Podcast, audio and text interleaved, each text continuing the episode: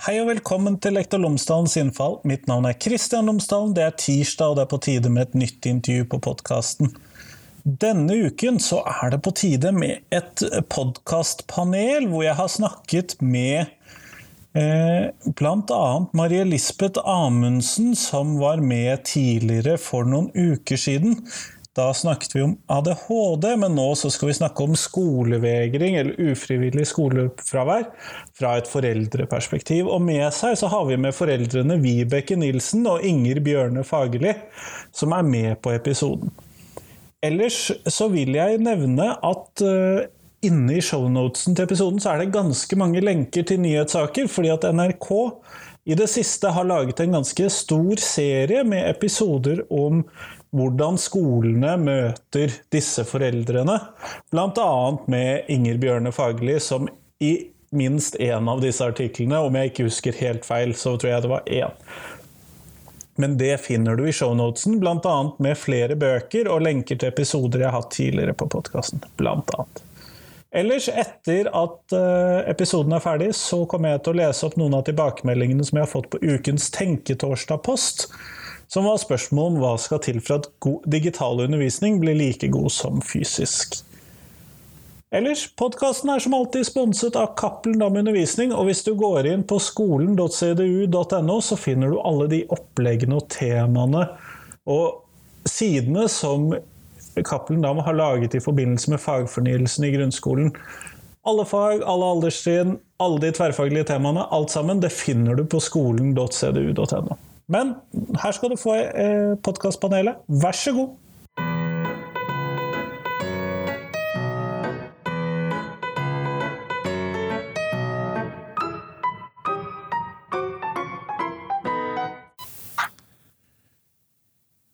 Vibeke, Inger og Marie, tusen takk for at dere er med meg i dag. Takk for at vi fikk komme.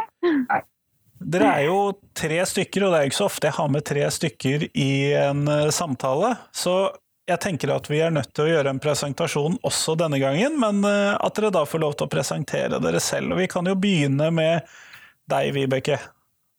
Ja, jeg heter altså Vibeke Nilsen. Jeg er 43 år. Og jeg eh, bor på et lite tettsted som heter Våle i Tønsberg kommune. Eh, jeg er utdanna barnehagelærer, og jeg jobber som assisterende styrer i en eh, barnehage i Horten kommune. Eh, og så har jeg to barn, og den største grunnen til at jeg er her i dag, da, er at jeg har, er mamma til Lisa, som er tolv år, og som har vært skolevegrer i tre år. Aktivt tre år. Ja. Nettopp, nettopp. Og det er jo det er derfor vi er her i dag. Men Inger, hvem er du? Eh, ja, jeg heter Inger Bjørne Fagerli. Jeg er 55 år. Jeg har to sønner, og den yngste har hatt problem å gå i skolen. Og derfor er jeg her. Marie, det er ikke så lenge siden du var med på et podkastintervju, men jeg tror vi må ha en presentasjon av deg også. Ja, jeg eh, heter Marie Lisbeth Amundsen og jobber som professor i spesialparykk på Universitetet i Sørøst-Norge. Jeg har fra tidligere mer enn 20 års erfaring som pedagogpsykologs rådgiver. Og har da spisskompetanse rettet mot sosiale og emosjonelle vansker og sammensatte lærevansker. Ja. Og grunnen til at jeg er her i dag, er jo at jeg har forsket på dette med skolevegring eh, på bakgrunn av at rektorer og lærere over hele landet tok kontakt og sa at eh, i forhold til dette temaet trengs det mer forskning. Vi har for lite kunnskap. Mm. Og det er jo nettopp derfor dere er invitert, og særlig Inger og Vibeke, dere er jo med. Dere er jo både pedagoger og har eh, selv barn som eh, sliter med å gå på skolen. Ja. Eh, men, og der må jeg rett og slett spørre om, fordi det er flere begreper som er ute og går her. Det går både skolevegring brukes som begrep, men jeg ser også ufrivillig skolefravær er inne som et begrep, og da lurer jeg jo litt på hva er forskjellen mellom disse begrepene, og hvorfor foretrekker man det ene fremfor det andre, eller når brukes de forskjellig? Skal jeg kanskje svare på det? Eh, for definisjonen av skolevegring ja, Veldig ofte snakker man om skolefravær, og da blander man begrepene. Og for skolefravær, det inkluderer også skulking, som er en helt annen Det handler om motivasjon for å være på skolen. Det handler om at elevene frivillig velger å gjøre noe annet framfor, eh, framfor å være på skolen.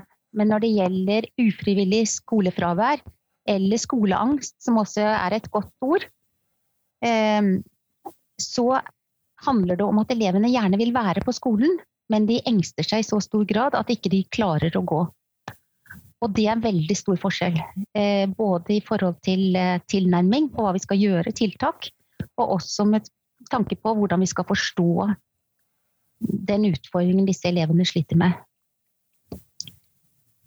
Nettopp, nettopp. Eh, men det, Inger og Vibeke, som foreldre, hvordan oppfatter dere disse ulike begrepene, eller hvor, hva tenker dere om de? Inger? Eh, nei, jeg mener jo at det er helt essensielt, eh, det Marie-Lisbeth sier. Eh, at att eh, våra barn har altså utviklet angst for å gå på skolen. Og her handler det om at barnen opplever at skolemiljøet på en eller annen måte er utrygt. Og de vil gå i skolen. Barnen selv er ekstremt extremt og skjønner ikke hvorfor de kanskje reagerer på den måten som de gjør. Og det er veldig vanskelig for hele familien, det her.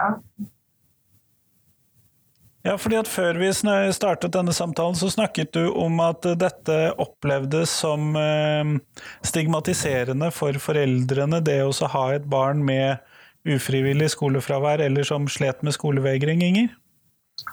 Ja, eh, og her er det jo mange saker som, som jeg har lyst til å si. Det är det, för det första då så är det inte viktigt att man skjønner hva er det som har skjedd med vårt barn. Varför vill inte vårt barn gå till skolan? Eh, och eh, skolor eh, som då inte har så mycket kunskap om det här eh, vinklar veldig ofte i alla fall i begynnelsen på att hva er det liksom for fel på barnet, hva er det for fel på föräldrarna? Eh, och ehm, eh, det blir, for mange så blir det veldig slitsamt. Alltså allting eh, i familjen då när skolan och eh, kanske de som ska vara experter inte kan något om det her och pressa på. Eh, och når man ikke skjønner hvordan, eh, hva det handler om, så er det ju lätt at man tenker at Åh, det er noe fel på oss eller noe. Eh, og derfor kan man oppleve det her veldig stigmatiserende. Mm. Vibeke, er dette noe du kjenner deg igjen i? Eh, ja, ikke personlig i vår sak, det kan jeg ikke si. Men jeg hører jo alle Jeg har jo, følger jo forum og snakker med og hører om andre. Eh, og det er jo eh, noe av det første jeg gjorde i samarbeid med vår kontaktlærer, var jo nettopp å uh, forhøre meg om hvordan stiller skolen seg til fravær. Hvordan håndterer man det? Fordi man var redd for uh, f.eks. bekymringsmeldinger til barnevernet, som man hadde hørt om i andre saker. Vi har hatt et fantastisk samarbeid med kontaktlærer og, og skole. Og jeg veit ikke hva jeg hadde gjort uten, uten, det. Det å ikke bli trodd, da. Det å ikke bli tatt på alvor i bekymringa vår, det, det, det, det, orker jeg ikke å tenke på. For det, tror jeg må være en kjempestor påkjenning. Rett og slett. Eh, men det er klart jeg stiller meg bak både det Marie Lisbeth sier her og Inger sier. Det er, dette her handler jo ikke om et frivillig fravær. Det handler ikke om skulk. Det handler ikke om foreldre som ikke presser barna sine ved sykdom, eh, eller som stiller krav til at du må på skolen selv om du Altså når du er, du er ikke syk før du opp, har oppkast eller feber, har vi jo hørt i tidligere debatter. Og det, det, er jo, det, er jo, der stigmatiseringa kommer inn.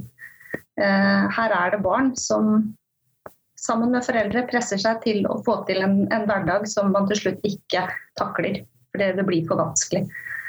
Og da kommer jo psykiske sykdommene inn som en konsekvens av presset på sikt, da, over lang, lang tid. Mm. Eh, vi skal komme litt tilbake til dette med samarbeid, for det tror jeg med skole og barnehage og sånn, for det tror jeg er viktig. Men Marie Lisbeth, eh, mm. kan du si noe om det som kjennetegner disse elevene som vi snakker om her?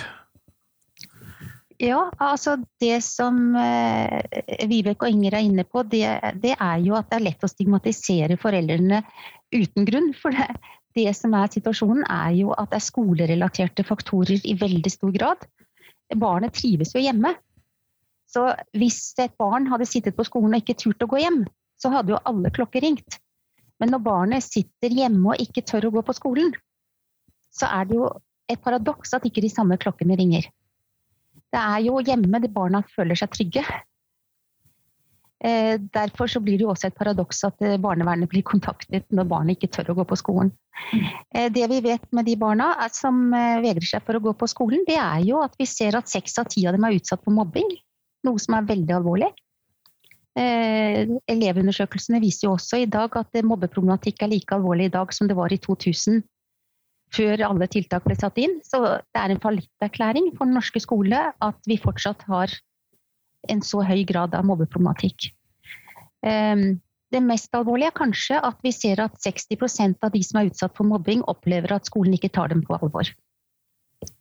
Og omtrent like høy andel opplever ingen tiltak blir satt inn. Og det er veldig alvorlig. Eh, det er også alvorlig at eh, jeg eh, i intervjuene ser at veldig mange har tatt kontakt med fylkesmennene rundt omkring i landet, og ikke nådde gjennom der heller, når de har klaget. Det er veldig stor forskjell på Noen fylkesmenn er flinke til å ta tak i ting, mens eh, andre ikke er fullt så flinke. Så her har vi en utfordring. Ehm, når det gjelder eh, de som blir mobbet, eh, seks av ti altså, så er de ekstra utsatt for de å være uten venner på skolen. Og, eh, og, halvparten av dem har ingen venner. Og det å ikke ha noen venner på skolen, det er eh, veldig alvorlig fordi det skaper trygghet. Og det skaper en følelse av tilhørighet. Det er hyggelig at noen sier når du kommer på morgenen at 'hei, så hyggelig å se deg'. Eh, å stå uten noen som sier det, er, eh, betyr egentlig at skolen svikter i forhold til det å være en sosialt inkluderende oppvekstarena for disse barna. Vi vet at eh, av de som blir mobbet, så er det færre som eh, har gode relasjoner til eh, de voksne på skolen. Og det er også veldig alvorlig. Eh, 75% har en diagnose. Fire av ti har ADHD eller, eller autismespekterdiagnose, altså høytfungerende autisme, som man tidligere sa. Og de andre har angstrelaterte diagnoser. Så det er bare 25% av de vi har funnet som ikke har det. Hvilket betyr egentlig at skolen svikter i forhold til å møte elever med psykiske problemer og funksjonsnedsettelse og diagnoser. Og det er veldig alvorlig for oss som utdanningsinstitusjon, fordi det viser jo at vi ikke er gode nok i forhold til eh, å utdanne kvalifiserte lærere og barnehagelærere med tanke på at de skal møte også mer sårbare elever. Ehm, vi ser på hjelpeapparatet at 75% har vært i kontakt med PP-tjenesten, og omtrent like mange i forhold til eh, barne- og ungdomspsykiatrien. Foreldrene opplever bare 30% opplever at de blir godt ivaretatt. Og det sier litt om at hjelpeapparatet også svikter. Eh, både foreldre og lærere. Vi har intervjuet både 40 lærere og 40 foreldre. Og de sier det samme, og det er spennende. For lærerne innrømmer at skolen kan for lite om skolevegringsproblematikk. Og eh, de sier at hjelpeapparatet kan for lite om det. Så de etterlyser mer kunnskap. Samtidig så ser de at eh, det at elevene blir sittende hjemme, øker grad av angst og problemer. Og det er klart at eh, når vi ser at noen skoler, når foreldrene klager på det undervisningstilbudet eller det manglende undervisningstilbudet elevene deres, eller barna deres får, eh, når de da blir møtt med trusler om barnevern, så er det veldig alvorlig. Av 40 foreldre så hadde 15 opplevd dette. I ettertid så har jeg fått et rush av henvendelser fra foreldre over hele landet som forteller lignende historier om eh, trusler om barnevern. Og når barnevernet kommer inn og finner ut at her er det ikke noe de henlegger saken, for det er ikke noe grunnlag. For det første så er det jo brudd på taushetsplikt. at skolen henviser til barnevernet. Det er veldig alvorlig. De skal bare henvise hvis det er eh, mistanke om alvorlig omsorgssvikt eller vold eller overgrep. Så barnevernet burde jo på sin side anklage skolen for at de faktisk bryter lov om taushetsplikt. Samtidig så burde barnevernet støtte foreldrene i disse sakene og si at ja, men foreldrene har helt rett. Barnet får jo ikke den, det undervisningstilbudet det har rett på. I et inkluderende og et tilpasset inkluderende eh, oppvekstmiljø og tilpasset undervisning. De får jo ikke det. Og det burde barnevernet sagt. Istedenfor er det gjennomgående at barnevernet sier at vi finner ingenting, vi henlegger saken, men ta kontakt hvis det fortsatt er ny mistanke. Dermed så blir dette brukt som et ris bak speilet for disse foreldrene. Vi vet at hvis de klager mer på det undervisningstilbudet eller det manglende undervisningstilbudet barnet deres får, så kan de bli meldt igjen til barnevernet. Og det er klart det er råtøft for foreldre som fra før av er engstelige for, eh, for sitt barn. Eh, fordi de ser at barnet har det vondt. Det er råtøft da også skulle få en mistanke hengende over seg om en barnevernssak. Og det er ydmykende å få barnevernet på døren. Så det er, he det er helt uakseptabelt eh, når det skjer. Og det er også et lovbrudd. Mm. Inger, eh, eh, hvis jeg kan spørre Inger et spørsmål der. fordi at, eh, Hva er din opplevelse med skole og barnevern eh, som forelder? Eller som det du kjenner til? Ja, eh, vi ble ju då meldt til barnvärnet, vår familie. Og det här sker då mitt upp under den absolut värsta perioden i vårt liv. Vi ser hur dåligt vårt barn mår psykisk. Och skoleledelsen har ikke kunnskap eh, om at det er de som er ansvarlige for å inhämta hjelp. Eh, og så I vår kommune så var det 2017 så fungerte ikke PPT. Eh, her har jo da fylkesmannen gjort tilsyn, så PPT fungerte ikke. Og ved denne barneskolen så fantes heller ikke skolehelsetjenesten representert fordi at man ikke hadde erstattet eh, eh, som jobbade der. Så denne barneskolen står helt uten hjelp. Og da eh, så som vi upplever det, så eh, mörkar man då den här mangeln på resurser i kommunen och lägger skylden på oss föräldrar. För det är ju det eh, som Marie-Lisbeth säger, det, att när man sänder en melding till barnvärnet da sier man samtidig at vi har eh, grunn til att tro at det pågår misshandling eller alvorlig omsorgssvikt i hemmet. För at barnevernets mandat, det er hjemmet. Barnvärnet kan ikke gå inn i skolen og legge til rette. Det er skolans mandat att tillpassa undervisningen. Eh, eller skapa en trygg näringsmiljö.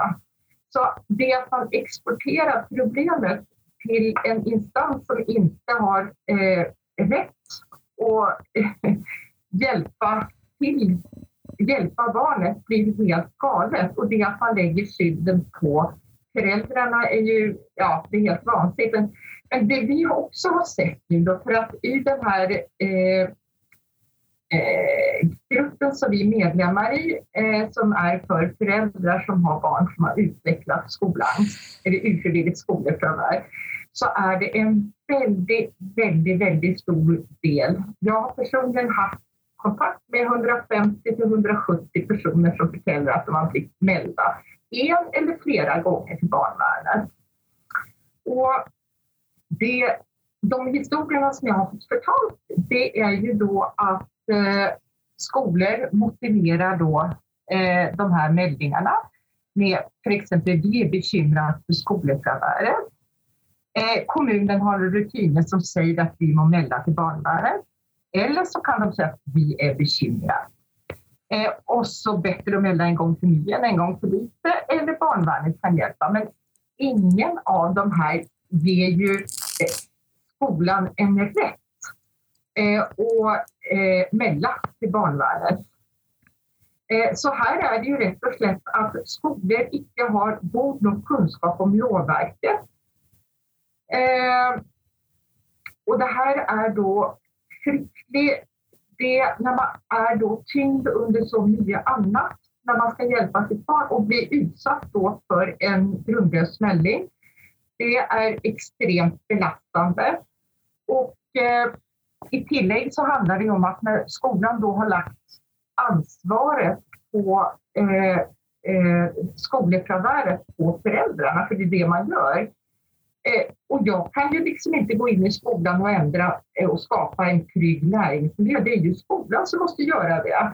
Men när de har sagt att problemet ligger i familjen så får vi ju inte gjort någonting med det här. Och i tillägg så är det det i det att skolan då eh, sänder meldingen så startar ju den här spridningen av eh, personupplysningar. Eh, och för att man ska kunna få göra det så måste man ha en, en lovhjemmel. Och lovhjemmeln är ju det att man tror att det pågår misshandel eller, oms- eller allvarlig omsorgssvikt. Och när skolorna då faktiskt inte egentligen tror det utan de är generellt bara bekymrade för frånvaro och sådana saker. Då har man ingen rättighet att eh, sprida dessa personupplysningar. Och vår familj, vi har ju eh, klagat in eh, och eh, dessvärre är det exakt som Marie-Lisbeth säger så är det många fritidsmän som inte gör jobbet sitt och inte tar emot dessa klagor på grund på taushedsplikten. Vi är en av få familjer som har fått vår klage behandlad. Och det var inte för att fylkesmannen var på tillbudssidan men det var rett och slett att jag hadde hade talat med civilombudsmannen och eh, fick eh, sagt det till fylkesmannen och sa att hvis inte det tar emot så kommer civilombudsmannen att ta emot. Och då tog man emot. Och vi hade ju allting skriftligt. Så når vi då fick tilbakemelding på den här klagen på taushedsplikten så skriver fylkesmannen så här att fylkesmannen lägger till grund att skolans ledelse hade en uriktig förståelse av reglerna för upplysningsplikten till barnvärnet och att skolans avgörelse om att sända bekymringsmeldingen i detta tillfället var ulovlig. Och det här är också en sak som få rektorer vet om, att det är nämligen så att när de melder föräldrar utan en grund eh, så är de personligt ansvariga. Och det här med brudd på pauseplikt, här finns det ju alltså, eh, ja, jag vet inte om det är ett till tre år eh, som är strafframen för det. Men det här upplyser inte heller kommuner om. Eh, och jag är otroligt bekymrad för mina kollegor som jobbar i skolan som inte vet om det här. Alltså man har inte möjlighet att göra rätt. Det är att man inte, kommunerna lär inte upp sina ansatta. Eh, och eh, vidare då i den här tillbakameldingen ifrån fylkesmannen, för här slår de fast att det var olovligt. Och eh, fylkesmannen skriver också så här eh, att fylkesmannen eh, vill be om att Bärum kommuner som skoleägare sörjer för att ändra sin praxis på detta område slik att den är i tråd med regelverket. Eh, så det här betyder ju då att många andra föräldrar har blivit utsatta för det här eh, och fått sina eh, sensitiva personupplysningar spridda runt omkring i kommunen. Vi har också klagat in till Datatillsynet. Eh, för det är ju så att i vår elevmappe, där ligger nu då meldingen till barnvärnet och den ligger där helt oemotsagd. Så det framstår som at skolen har hatt grunn til å tro at vi har mishandlet eller utövat alvorlig omsorgssvikt. Og det her er ganske så forferdelig. Eh, så nu blir det spennende å se hva Datatilsynet kommer, kommer for noen ting. Det blir det, det tror jeg på. Mm. Men Vibeke, eh, du fortalte jo det at dere har hatt en eh, relativt god opplevelse av samarbeidet med Eh, klassekontakt Nei, kontaktlærer, det er det det heter. For det heter det ikke på jobben min. Eh, hos oss bruker vi mentor. Eh, men, og da lurer jeg jo litt på, hvis man da skulle se for seg en optimal oppfølging fra skolens side, hvilke sånn ønsker har du på den oppfølgingen fra skolen og hjelpeapparatet til eh, elevene og til dere som foreldre, da. Siden dere allerede har en, god, en ganske god opplevelse, så hva skulle gjort det enda bedre? Først så tenker jeg har lyst på å si til det Inger forteller her, så syns jeg jo det er um, Det er det som er forferdelig i hele situasjonen rundt uh, våre skolevegrer uh, nå, er jo at uh, systemet ikke fungerer. Og at man er prisgitt hvilke lærer man har, og hvilke skoler man går på, og hvilke kommuner man bor i. Og det, det er forferdelig. Det, sånn kan man ikke ha det i, i Norge. Um, og så, som jeg har sagt, så har jeg vært heldig uh, og hatt en, uh, en dyktig kontaktlærer uh, som, tenk, som jeg, hun har fokus på relasjoner. Hun vet hvor viktig det er å møte barnet. hun har møtt oss hele veien. Um, I vår sak så er det også sånn at vi Eh, gikk jo til det skrittet at vi tok kontakt med fastlege og eh, henviste til BUPA på eget, eget initiativ. Så det var på en måte starten hos oss. Og det var også før det mest alvorlige fraværet begynte. Sånn at det, Om det har hatt noe å si eller ikke, det aner jeg ikke. Uh, men vi har vært i et system hele veien mens skolevegringen har foregått. Uh, det har vært en kommunesammenslåing underveis her, og den gamle kommunen opplevde jeg et veldig dårlig eh, samarbeid med. Eh, et eksempel på det er første samtale hvor jeg blir spurt om vi drikker kakao og baker boller når barna er hjemme. Eh, også stigmatiserende i forhold til hvilke rolle foreldre har på å få barna av gårde. Mens den nye, nye Tønsberg kommune møter vi en saksbehandler som, eh, hvor man allerede har jobba i skolevegringsteam i mange år, kjenner problematikken, vet hvilke tiltak som, som nytter og hva som trengs å gjøre. Eh, underveis så tenker jeg at eh, altså denne læreren hos oss da, hun har jo gått uh, utover sikkert eh, eh, hva heter det, arbeidsbeskrivelsen sin.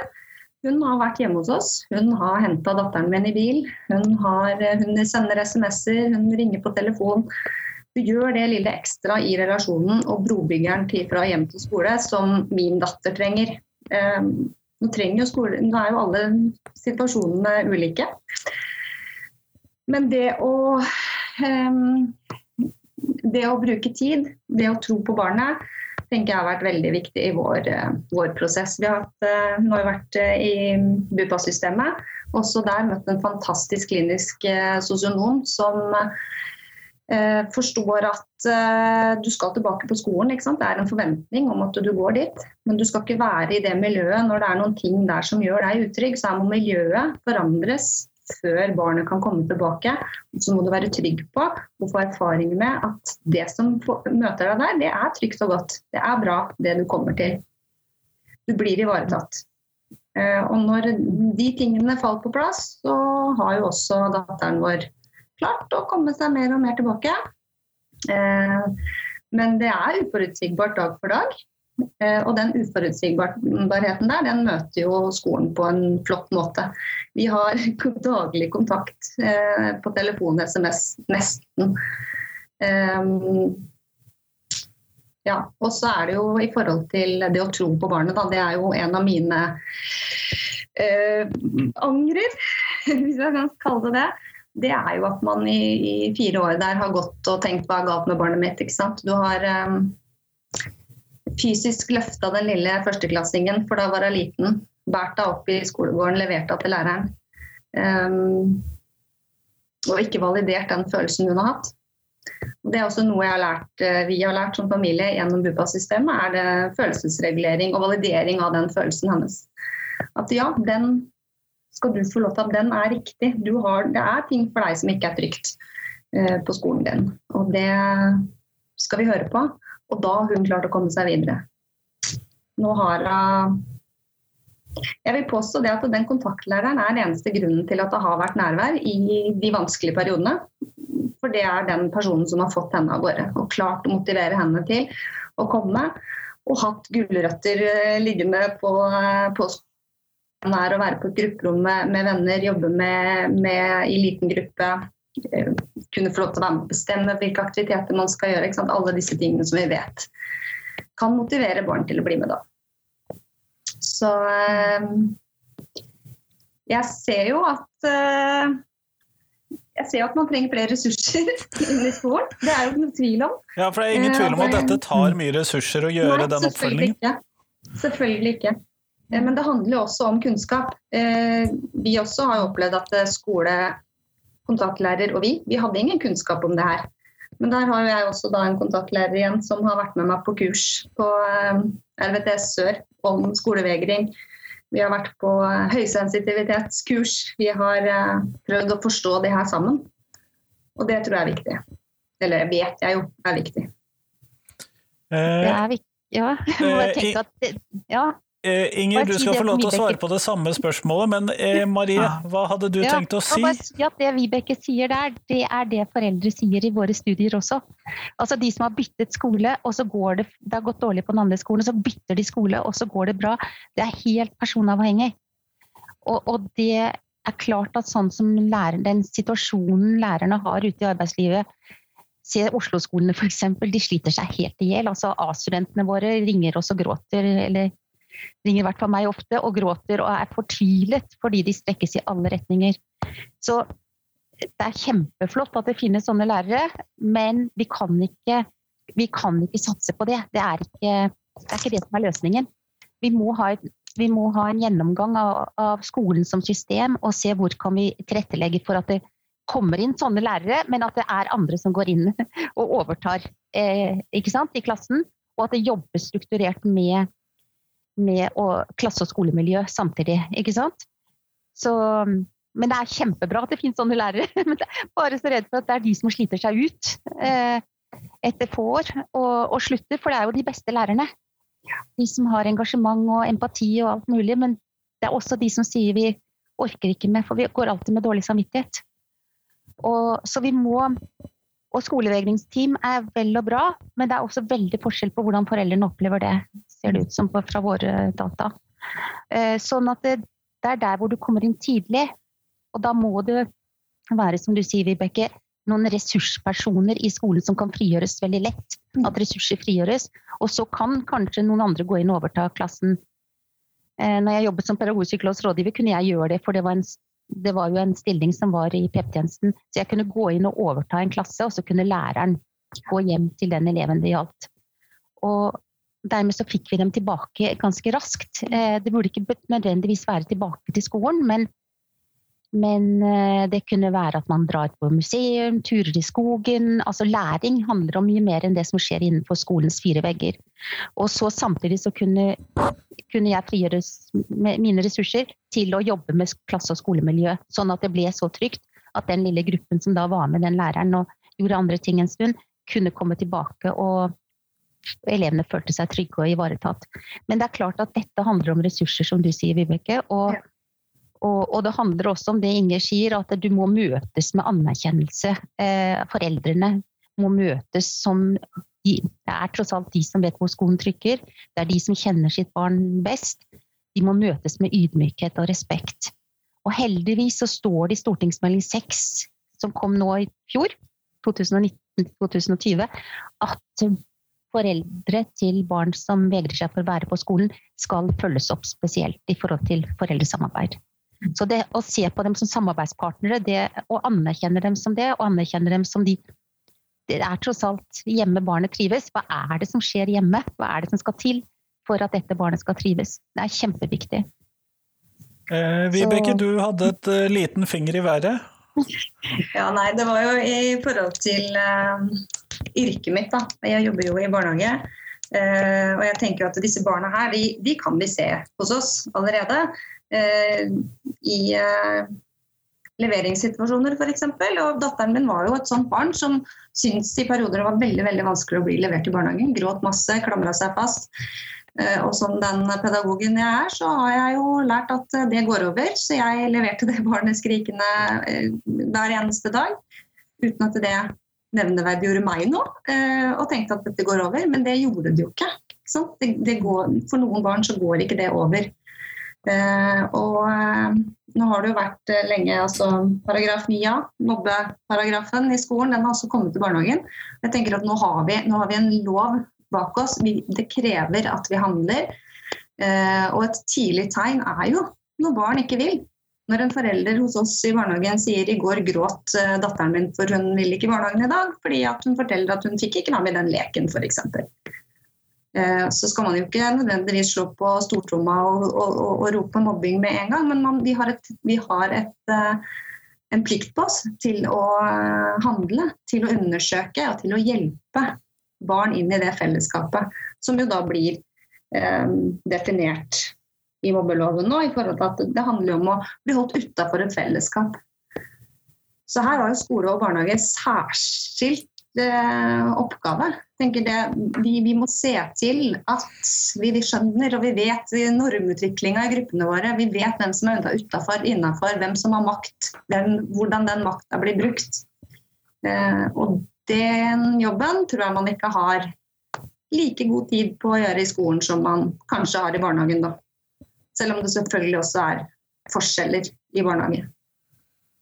Inger, du rakk opp hånden, og så hadde jeg lovet deg et spørsmål. ja, nei, eh, jeg vil bare si det at både eh, Marie Lisbeth og Vibeke sier mange, mange kloke saker her, altså.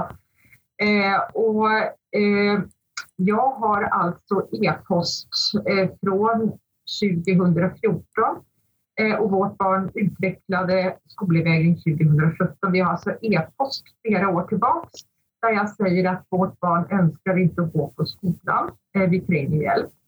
Eh, och det som är väldigt problematiskt är ju också det att jag har ingen direkt insyn i skolorna. Den enda information jag får det är ju det våra barn säger till mig eller det skolan säger eller föräldrar till andra barn säger till mig. Och eh, vår sønn er Og det her har jeg forstått at mange gutter er ikke så flinka å säga fra hvordan de har det. Og veldig mye informasjon fikk jeg fra föräldrar til eh, jenter då som gikk i klassen. alltså. For de var mye flinkere på att fortelle. Och eh, skolan har ju då inte sett någonting från sitt perspektiv som de mente var viktigt att förtälla. Eh, vi meldde ju in skolan efter paragraf 9a eh, 2017 när detta startade, för vi tänkte att här måste det ha varit något riktigt allvarligt i läringsmiljö. Mm. Men uh, Inger, hvordan, du, eh, hvordan, ville en god oppfølging av disse elevene sett ut, og de, dere som foreldre, hvordan ville det sett ut uh, slik du ser det, med den kunnskapen du har om andre saker? Også, hvordan tenker du at god oppfølging er?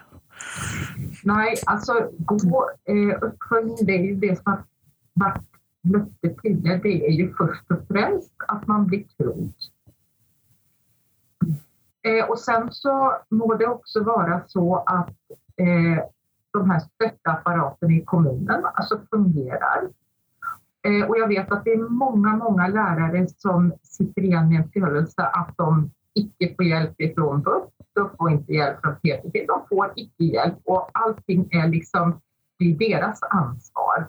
Och så kan det inte vara. Det, alltså, de som ska vara experter i kommunen, de eh, ska kunna vara där för skolan. Alltså.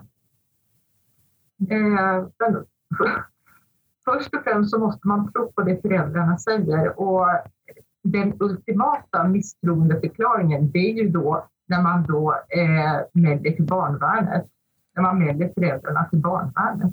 Det är ju alltså ett tilläggsbrott i tillägg till på taushetspliktene. Kan jeg, ja. ja, Marie? Kan jeg si en ting? Ja, jeg er helt enig i det. At det er et kjempetillitsbrudd. Og det er veldig vanskelig å få i gang et godt samarbeid etter at skolen har vist dem en, en slik mistillit som det innebærer. Um, en annen ting som noen kommuner gjør, det er å frita elevene for opplæringsplikten.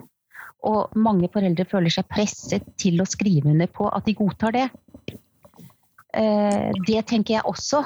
Uh, må være et lovbrudd. For det er ikke sånn den paragrafen skulle brukes. Det er jo også paragraf 9 altså det, Poenget er at eh, både, det, ene, det er et paradoks at man kan utvise elever som ikke eh, oppfører seg akkurat sånn som skolen ønsker de skal oppføre seg.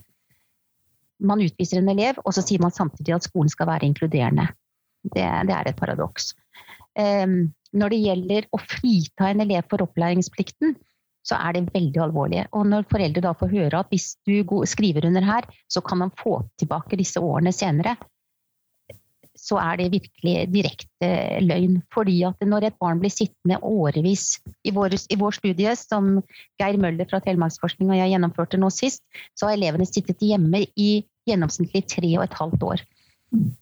Det er ganske lenge for et barn. Og når du har sittet hjemme i tre og et halvt år og opplevd det nederlaget og den ydmykelsen det er å bli sosialt isolert du, Venner slutter å komme på døren om ettermiddagen. Eh, angsten forsterkes. Eh, barnet mister troen på egne evner og ressurser. Det er nederlag. Det er en, det er en forferdelig opplevelse eh, som skaper alvorlige psykiske problemer. Og for de fleste sannsynligvis eh, frafall i videregående skole.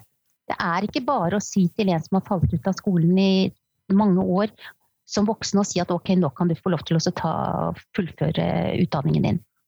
Så, så det er direkte å lure foreldrene, tenker jeg. Og det er ikke sånn opplæringsloven skulle brukes. Så det tenker jeg er eh, også noe som politikerne må se på ganske snart. At, at man hvem er det som skal fritas for opplæringsplikt? Jeg kan skjønne at det er elever som har cellegiftkurer eller altså har spesielle problemer i en, en kort, kortere fase i livet. Eh, men når det gjelder skolevegring, så inngår ikke de i den gruppen. Så ja, så vi, har, vi gikk ut og så på, så på antallet som hadde fått fritak for undervisningsplikt eh, tre dager på en eh, nettverksgruppe. Og da var det en tredjedel av foreldrene som oppga at de hadde måttet skrive under på et sånt brev. Noen, noen, foreldre sa til og med at de ikke hadde skrevet under, men kommunen sa det var ikke så nøye med deres signatur. Og det er klart at det er også et lovbrudd, på lik linje som det Enger sier i forhold til dette med brudd, om, brudd på taushetsplikten når de henviser til barnevernet. Eh, når det gjelder eh, det som Vibeke også er inne på, dette her med at du skal jobbe med å få klasse- og skolemiljøet så inkluderende at elevene har lyst til å komme tilbake, det er jo det som er viktig. Eh, så er jo det også noe som presiseres i stortingsmelding 6, og det er veldig bra. Men det vi ser, er at det, det er bare tre av ti som oppgir at skolen ikke er et utrygt sted å være. Altså Syv av ti av foreldrene oppgir at barna deres opplever at skolen er utrygg. Og det viser også at skolen svikter i forhold til eh, egen målsetning om å framstå som en inkluderende og trygg eh, og tilpasset oppvekstarena. Så lovbruddene er alvorlige, og jeg håper at politikerne snart tar tak og lager eh, et regelverk som er like stramt som det lovverket vi har i forhold til mobbeproblematikk det, det, haster faktisk. For det er så høyt antall elever som nå blir sittende hjemme at eh, vi, det, det, vi, kommer til å få store problemer i framtiden med disse elevene. Disse barna og ungdommene. Fordi, de, fordi resultatet er psykiske problemer. Eh, Vibeke, du sa det i stad at eh, dere i en del tilfeller kunne se tegn til skolevegring allerede i barnehagen. Eh, og da lurer jeg litt på hva kan barnehagen gjøre for å forebygge skolevegring? Så er det vel kanskje mest pedagogen i deg jeg spør, og ikke så mye med mammaen. Da, vil jeg rette litt på deg. Jeg kan jo ikke se om det blir skolevegrere, men jeg kan jo se utrygge barn. Ja. Eh, eller barn som mm. syns det er eh, vanskelig med overganger, f.eks. Overgang hjem skole, nei, hjem barnehage. Og det tenker jeg jo handler om tilvenning. Det handler om trygghet til og nære relasjoner til voksne og barn eh, her hos oss i barnehagen. At vi hjelper dem til å eh, lære hvordan man skaper og opprettholder relasjoner. Eh, hvordan man samhandler, hvordan man inngår i et fellesskap, ikke minst. Og selvfølgelig at de opplever å ha gode relasjoner. Hva er en god relasjon? Det tenker jeg er kjempeviktig. Og så eh, er det jo kjempespennende med overgang barnehage-skole, da. Eh, tenker jeg også er en, en, viktig del av denne prosessen her. Vi har jo, kan jeg nevne Håvard, Håvard Tjora, som eh, kritiserer overgangen sterkt. Og jeg kan jo si at jeg kan stille meg bak, bak mye av det han sier. Jeg tenker at det er lite sammenheng i den overgangen. Eh, sammenheng på hverdagen i en barnehage og hverdagen man møter når man begynner på, i første klasse. Som eh, kan virke skremmende og skummelt. Eh, nå skal jeg skyte litt fra hofta, men jeg tenker jo at, jeg tenker jo at det er litt, det er litt jeg blir bekymra når jeg hører møter foreldre etter seks, på, nei, seks, uker på skolen foreldre jeg har hatt her i barnehagen som sier at de har vært på sin første samtaletid på skole, hvor uh, lærere allerede har kartlagt leseutviklinga, hvilke trinn man er på. Uh, og da tenker jeg fokuset er helt, helt feil. For hvis du har fokus på å kartlegge barnas leseutvikling de seks første ukene, så har det sosiale og fellesskapet og inkluderinga eh, blitt borte. Det har ikke vært jobba med. Eh, jeg tror at barnehagen eh, er veldig god på det. Jeg vet at det er forskjeller her òg. Men jeg tror at det å lære barn følelseshåndtering eh, i tidlig alder er en veldig viktig del av dette. Ehm, hvis du jobber med inkluderende lek- og læringsmiljøer både i barnehage og skole, eh, så vil man få robuste miljøer som tåler at man er annerledes, som tåler at noen faller utenfor. Eh, man klarer kanskje å se eh, de tilfellene eh, kjappere, fordi de er ikke så mange, kanskje. Man har en bedre gruppedynamikk som gjør at det er trygt for barna å komme. At man vet hvordan man tar vare på hverandre. Dette tror jeg er fasiten. jeg, jeg, jeg brenner, veldig, brenner veldig for Eh, relasjoner. Jeg tenker at det er Har du ikke en god relasjon, er du ikke trygg, så lærer du ingenting. Og læring skal være gøy. Metodevalget, hvordan, hvordan jobber man eh, med læring i, i småskolen av barne, barnetrinnet? Hvordan jobber man med læring i barnehagen? Hvordan kan man videreføre disse tingene som barna er kjent med allerede i overganger? Som vil gjøre de trygge videre og videre. Ja. Marie, det så ut som du hadde lyst til å si noe. Ja. Ja, eh, for det, det, som Vibeke sier er jo så riktig. Og så sier du at ikke vi kan se skolevegring, men vi vet allerede at de barna som vegrer seg for å gå på skolen, ofte har hatt problemer også i barnehagen. Så vi kan faktisk se det. Og når vi ser at tre av fire har også angst eller eh, en diagnose, eh, så kan vi veldig fort si at det er de litt mer sårbare elevene. Det som, eller barna mine, unnskyld. Det som du også sier, dette med separasjonsangst, at noen barn ikke sant? Jeg ser også her på barnehageutdanningen så legges det liksom vekt på at, det, at eh, når foreldrene går, så går det bra. Men det er noen barn det ikke går bra med. De sitter og skriker ikke i ti minutter, men de skriker i 30-40. Og de barna må tas på alvor. For det betyr jo at noe er galt. Det barnet har det forferdelig vondt. Mm. Så det må tas på alvor. Og så tenker jeg i kjølvannet av dette så ser vi jo at barnehagen, akkurat som skolen, har eh, en travel hverdag. Og det som vi erfarer, er at disse eh, barnehagelærerne som tar en master i spesialpedagogikk, eh, de forsvinner fra barnehagen, for de får ikke betalt for utdanningen. Og Samtidig så sier departementet at vi skal satse på tidlig innsats. Det er veldig viktig. Så det at de, de barnehagelærerne som tar master i spesialpedagogikk, det at de blir i barnehagen er veldig viktig for at vi skal få ivareta de mest sårbare elevene. Og da må politikerne komme på banen og godkjenne at de også må få betalt for den utdanningen de har. For ellers så forsvinner de alle sammen, og det er det vi ser en tendens til nå. Dessverre. Men det går, ut, det går mest utover de sårbare barna og de med funksjonsnedsettelse eller diagnoser. Ja. Vibeke? Ja. det er bare en liten replikk til det. Jeg tenker at jeg eh, tenker at Det er mye vi kan gjøre på system, eh, og vi gjør jo mye allerede. og Det kommer jo altså, eh, handlingsplaner for krenkelser og mobbing f.eks., som jo lister opp hva man skal gjøre. Og vi slokker branner. Men det jeg tenker at vi framover bør, og allerede har begynt å se på, men man bør se på mer, er jo hvordan forebygger vi for inkluderende lek- og læringsmiljøer. Hva, hva innebærer det? det tror jeg, da tror jeg mange blir litt stille. Hvordan gjør man det? Hva, hvordan ser det ut i praksis? Der uh, tror jeg vi har Det var egentlig det er det jeg tenker, at Ja. barnehagelærerne som tar master i spesialpedagogikk, de vet det. De Og det kan alt om dette med voksensyn lek. Hvordan får vi disse barna inn i leken? Hvordan ivaretar vi dem uten at det merkes, ikke sant? På en naturlig måte. Eh, hvordan er vi Ikke sant? Så, så de, de vet det, men når de forsvinner fra barnehagen, så er det jo lite hjelp i det. Så tidlig innsats handler jo om at disse barna skal få den hjelpen de trenger. Og de skal få god og solid hjelp av kvalifiserte folk. Mm. Så absolutt. Og det med overganger, som du sier, er jo også noe vi vet. Og overganger er sårbart med tanke på skolevegring. eh, Eller ufrivillig skolefravær, som vi snakker om. ikke sant? Eller skoleangst, som er et enda bedre ord, tenker jeg. er det jo- er det jo litt også vi møter, det gjelder jo oss i barnehagen òg. Hvordan møter vi foreldre som er bekymra? Jeg var jo en sånn forelder sjøl til slutt, som, som jo så at det, det hjelper ikke å bare levere det barnet gråtende hver eneste dag. Det går jo aldri over. Eh, og i en periode der så bestemte jeg litt sammen med pedagogen at nå blir jeg med inn til frokostbordet. Jeg tar en eh, kvart kaffekopp som tar meg fire minutter før jeg går.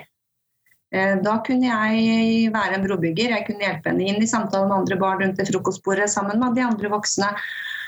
Og jeg fikk gå uten at det var noe, noe tristhet hos dattera mi. For hun fikk den tryggheten. Jeg fikk hjelpa inn i det som hun skulle være i resten av dagen. Eh, og da må man jo også møte de foreldrene som ønsker å gjøre det, eller som vil det, eller kanskje også tilby det. At det kan være en, vite at det kan være et tiltak som kan fungere for ditt barn. Da. Vi prøver. La oss prøve litt. Mm. Ja, det, det, det, er, det er sant. Eh, Men samtidig så kan det være veldig sårbart for de barna som har foreldre som ikke har tid Absolutt. pga. jobb og sånn, ikke sant? Så at de ikke får lov. Så, så da skaper vi litt sosiale forskjeller også. Mm. Men, men eh, åpenhet når det trengs, eh, Mm. absolutt. Men jeg tror likevel på flere fagfolk inn. Absolutt. ja. Absolutt. Vi skriker etter det. ja, riktig. Eh, Inger, du nevnte tidligere at du var med i et eh, sånn forum eh, for foreldre som i denne situasjonen. Og kan du si noe mer om denne gruppen? Eh, ja, eh, det er da en Facebookgruppe för foreldre som har barn med ufrivillig skolefravær eller skolevegring. Eh, nu är vi faktisk 1450 foreldre. Og det kommer nye foreldre hver uke. Så dette er et veldig Altså, det er et stort problem. Och vi kan tänka, tänka oss att ja, vi är 1450 föräldrar i gruppen och så är det säkert väldigt, väldigt många som kanske skammar sig eller føler att de vet inte var de ska finna hjälp eller ja, som sitter alena med allt detta. Men det er en stor gruppe etter hvert, da, hører jeg. Ja då, eh, det är en stor grupp och dessvärre så blir det större och större för varje vecka som går. Då. Og det er mange som, som det Inger sier. Og jeg tenker at, at den støtten som de får gjennom så sterke mennesker som det Jeg må si av stor respekt for det Inger har gjort. Inger og mannen. Eh, fordi de blir jo sånne forkjempere i forhold til De hjelper jo veldig mange andre ved å gå så langt som å gå helt opp til Sivilombudsmannen. Det er sterkt gjort. For mange stopper når de blir avvist av Fylkesmannen. Og og mange stopper allerede når de møter eh, motstand hos rektor eller lærerne. Eller PP-tjenesten eller BUP. Så jeg tenker at eh, det Inger og mannen har gjort, er veldig bra. Og det er veldig bra at store grupper får høre om det, sånn at eh, de ser at det går an å nå fram i systemet. Ja, jeg får takk så mye for det. Det var veldig snilt. Ja, det er ikke snilt. Det er eh, full respekt for det. Ja, takk så Ja. Men, men, og, och det her er viktig det at eh, det er mange instanser som ikke kan sitt eget lovverk. Eh, og eh, snakker man med myndig stemme eller det tok tid for eh, meg og min mann også, før vi begynte å se at men her, rektor kan ikke liksom, lovverket selv. Hun snakka med en myndig stemme liksom, og brukte ja, eh, forskjellige måter som man skulle føle seg liten osv. Og, eh, ja, eh, det, det, skal man være klar over. Og jeg sier til alle klaga inn hvis dere er misfornøyde. Klaga inn på paragraf 9a.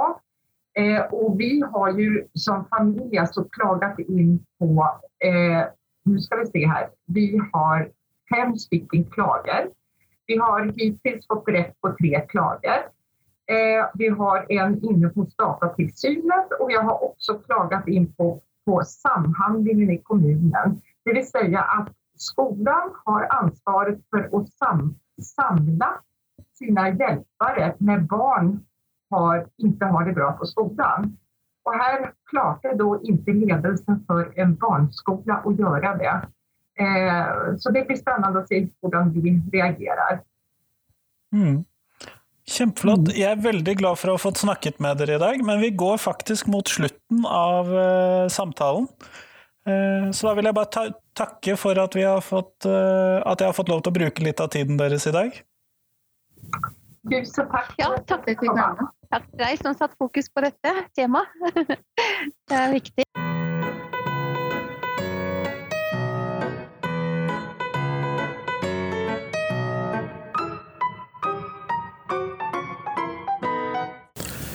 Tusen takk til Marie Lisbeth, Inger og Vibeke, og tusen takk til deg som hørte på. Nå er det fram til fredag så kommer det en ny episode på podkasten, men i mellomtiden så hadde jeg tenkt til at vi skulle se litt på reaksjonene som kom inn når jeg spurte hva skal til for at digital undervisning blir like god som fysisk. Eh, Liv Katrine Krogh trekker fram dynamikk, dette med korte lese- og arbeidsøkter individuelt før veksling mellom gruppesamtaler og casejobbing som konkluderes i plenum, før en ny runde. Tone Stokka trekker fram god struktur, god planlegging, god tid eh, til oppfølgingen av individ, variasjon i arbeidsmetoder og mulighet for interaksjon for å skape relasjoner. Mona Kristin Skogstad trekker frem at man heller bør forestille seg at det er to forskjellige formater. Eh, altså at det rett og slett kanskje ikke handler om det samme. Eh, mens Elisabeth Christoffersen problematiserer hvordan en klem kan bli like god digital som eh, fysisk. Hilde Synnøve Håvardsen trekker fram at oppmuntrende ord kan man få til eh, fremdeles, og kanskje kan fungere på noe av den samme måten. Ellers, Anne Kari Karlsen sier det at hun opplever spørsmål som provoserende. Og hvis det er sånn at man kan få til like god digital som fysisk undervisning, så hvor mange lærere trengs det å ha i fremtidens skole hvis man ikke trenger å ha de fysisk til stede? Eh, og Kristina Bjørnsdatter Langballe er også litt skeptisk og trekker fram at dette nok ikke er mulig slik hun ser det. Blant annet at det er vanskelig at man skal få det til, men at man kan være godt tilpasset mottakerne. Hun sier også at hun slutter den dagen det blir meningen at mest mulig av undervisningen skal foregå digitalt, fordi det for henne er en nødløsning og et unntak.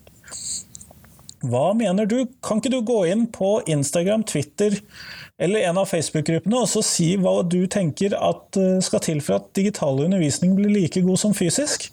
Det blir jeg veldig glad for. Men eh, fram til neste gang så håper jeg at du kan dele podkasten med noen du kjenner. Send meg gjerne tips, og så høres vi på fredag.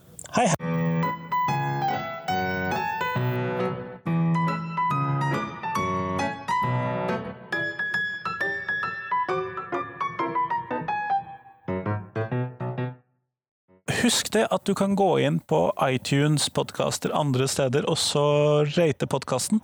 Det blir jeg kjempeglad for. Gjerne full pott, selvfølgelig. Men vi høres!